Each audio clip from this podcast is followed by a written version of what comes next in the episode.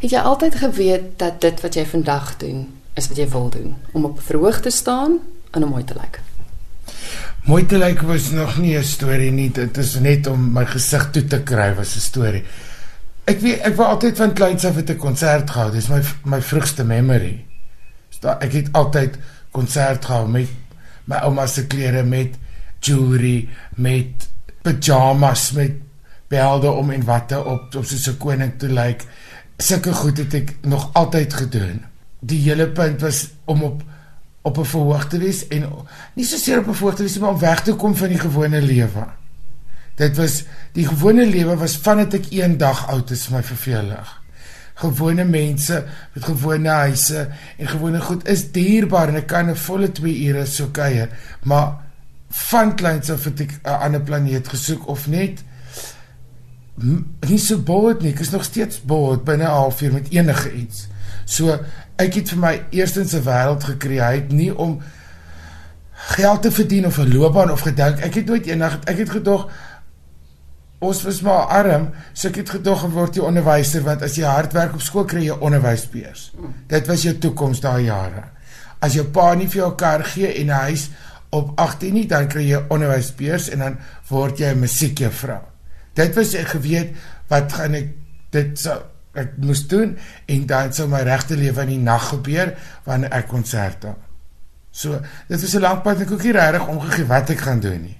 Ek wou net iets anders doen. Ek het met 'n opgestopte slang gedans uit 'n wasgoedmandjie, my maat my byna doodgeslaan. Ek het konserte gereël. Ek het myself afgeneem met 'n Instamatic kamera in verskillende settings. Ek het goed gebou in my kamer. Ek het op 'n stadium seep verkoop, een van hierdie piramide produkte, net sodat ek my kamervenster met my bedlamp in 'n winkelfenster kon verander. Ek het elke aand die seep in ander hoogtes en aan die buurt kom kyk hoe lyk die seep en niemand het dan iets gekoop nie.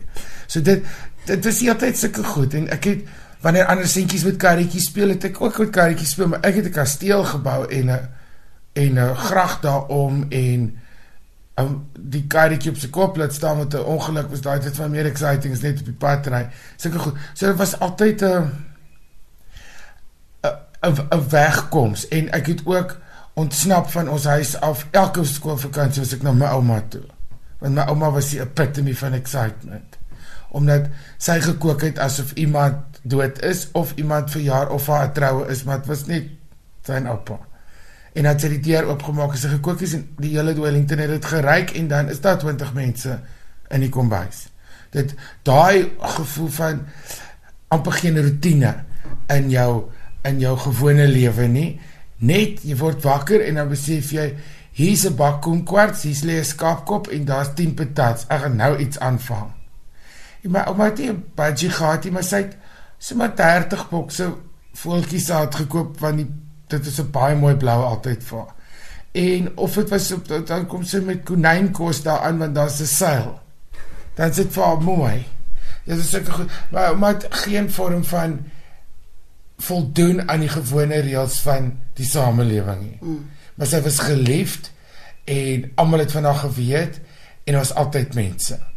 En hulle klein huisietjie het gevoel soos 'n paleis vir my omdat daar opwinding was en dit het my verskriklik beïnvloed. My ma was baie gedissiplineerd en ons het in 'n streng huis groot geword en miljoene kinders en almal moes eers staan in die klas en hard werk en jy weet dit was so, dit was 'n strikte huis en die gewoonheid daarvan het van kleins af vir my baie gepla in die sin van dit is reg vir ander mense, maar nie vir my nie.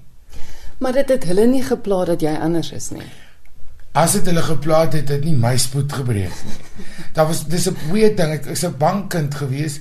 Ek was nooit geboelie nie. Kinders was vir my ook bang, maar ek was vir hulle ook bang. Ek was bang vir die regte wêreld. Ek het gedog onderwysers is skole is wrede goed. Pauses het het het my vervul met vrees want om kindertjies op 'n stuk grond rond te jaag en te sê maak net wat jy wil was my idee van die hel dit was vir my verskriklik en kindertjies is my onbeskryflik simpel selfs ek 'n kindertjie was ek wil niks met hulle doen ek wil by die groot mense wees want hulle dit kindertjies is stupid. Hulle gil en stamp op mekaar en eet broodjies. Ek kon dit nie verstaan nie. So ek het altyd projekte aan die gang gehad. Wanneer die ander kindertjies speel, het ek kinders tot bekering gebring met 'n gitaar in in 'n preek in 'n saal of ek het 'n konsert gereël. Ek het 'n drama groep gestig en 'n kunsgroep en 'n debat groep en in 'n a cappella sanggroep en alles wat ons skool gehad het, het ek gestig en begin en die biblioteek reggerig en dit exciting geprobeer maak vir die kinders en so die kunste en die whatever ek meen ons skool se prioriteit was netbal en kadette. Dit was nie um, mooi goedjies nie mm. waar ek het 'n fantastiese musiekonderwyseres gehad wat vir my 'n bietjie 'n ander wêreld oopgemaak het. So ek was altyd besig met sulke goedjies en ek dink my ma en pa het gesuffer. Hulle is die enigste mense op aarde wat met sê hulle is my ouers. So en my ouma ek was al 5 toe koop my ouma vir my my eerste pop want ek kan nie 'n karretjie aantrek nie. My pa het dieselfde bette wat my ouma vir my pop gekoop het, my pa vir my rugby bal gekoop. En eintlik gedink eers die ding van chocolate was was haar hoop. Maar my ouma het vir papierpoppe gekoop en my ma moes my die Patrys en die Tina en die Bolly boek bestel vir die girls en die seuns tydskrifte want hoekom kry die meisies se boeke mooier prentjies mm. so dit was 'n dit was vir my ontsnapping ek het my kinders gesê alles waaroor mense vir my gelag of gekritiseer het het ek so verander dat hulle nou daarvoor moet betaal So dit is ek doen presies dieselfde wat ek gedoen het op 5 nog steeds. Mm. Mense betaal net om dit te sien. So dit dit is maar dit daar was nie 'n groot besluit eers toe ek op universiteit kom en besef musiek juffrou gaan nie uitwerk vir my nie. Ek het in die eerste maand die entire onderwys besig op my klerekas spandeer en toe begin konserte reël en was tot in my toenaals verveeld. Nommer 1 met toe onnoosel die ander van die ander kinders was want ek het 'n briljante musiekonderwyseres gehad en sy het my goed geleer. Ek het voorskoolklas gehad, tydens skool en na klas skool. So ek was op derde jaar se musiekvlak toe ek by eerste jaar aankom. As gevolg van Josie Gous wat vir my en dan moet ek sit en hierdie kinders leer hierdie goed want hulle kom net van vlak onder 'n windpomp uit met 'n trekklavier en wil nou musiek studeer. Nou moet hulle van voor af begin. So dit het my en toe het ek begin konserte hou en toe het ek 'n naai masjien opgespoor en 'n meisie wat kan naaldwerk doen en toe ek vir ons 'n townhouse gehuur het ons kan saam bly. Ons net klere gemaak vir almal. Almal wat eksamen gespeel het, het een van my creations aangegaan en Covid hom gestik. Ek het gaan 'n rolle as ek kom in satijn koop en rekke. Daai jare was boob tubes en sulke off-shoulders groot. En maak ons seker wat ons weet om te sny, niks het moue nie. Bout niks, boob tubes, rek om die waist en 'n baie hoë slit en dan was die onderwyser se voet en dan die kind is half kaal as ek wat klaar is maar dan speel hulle eksamen en dan nou ons konserte.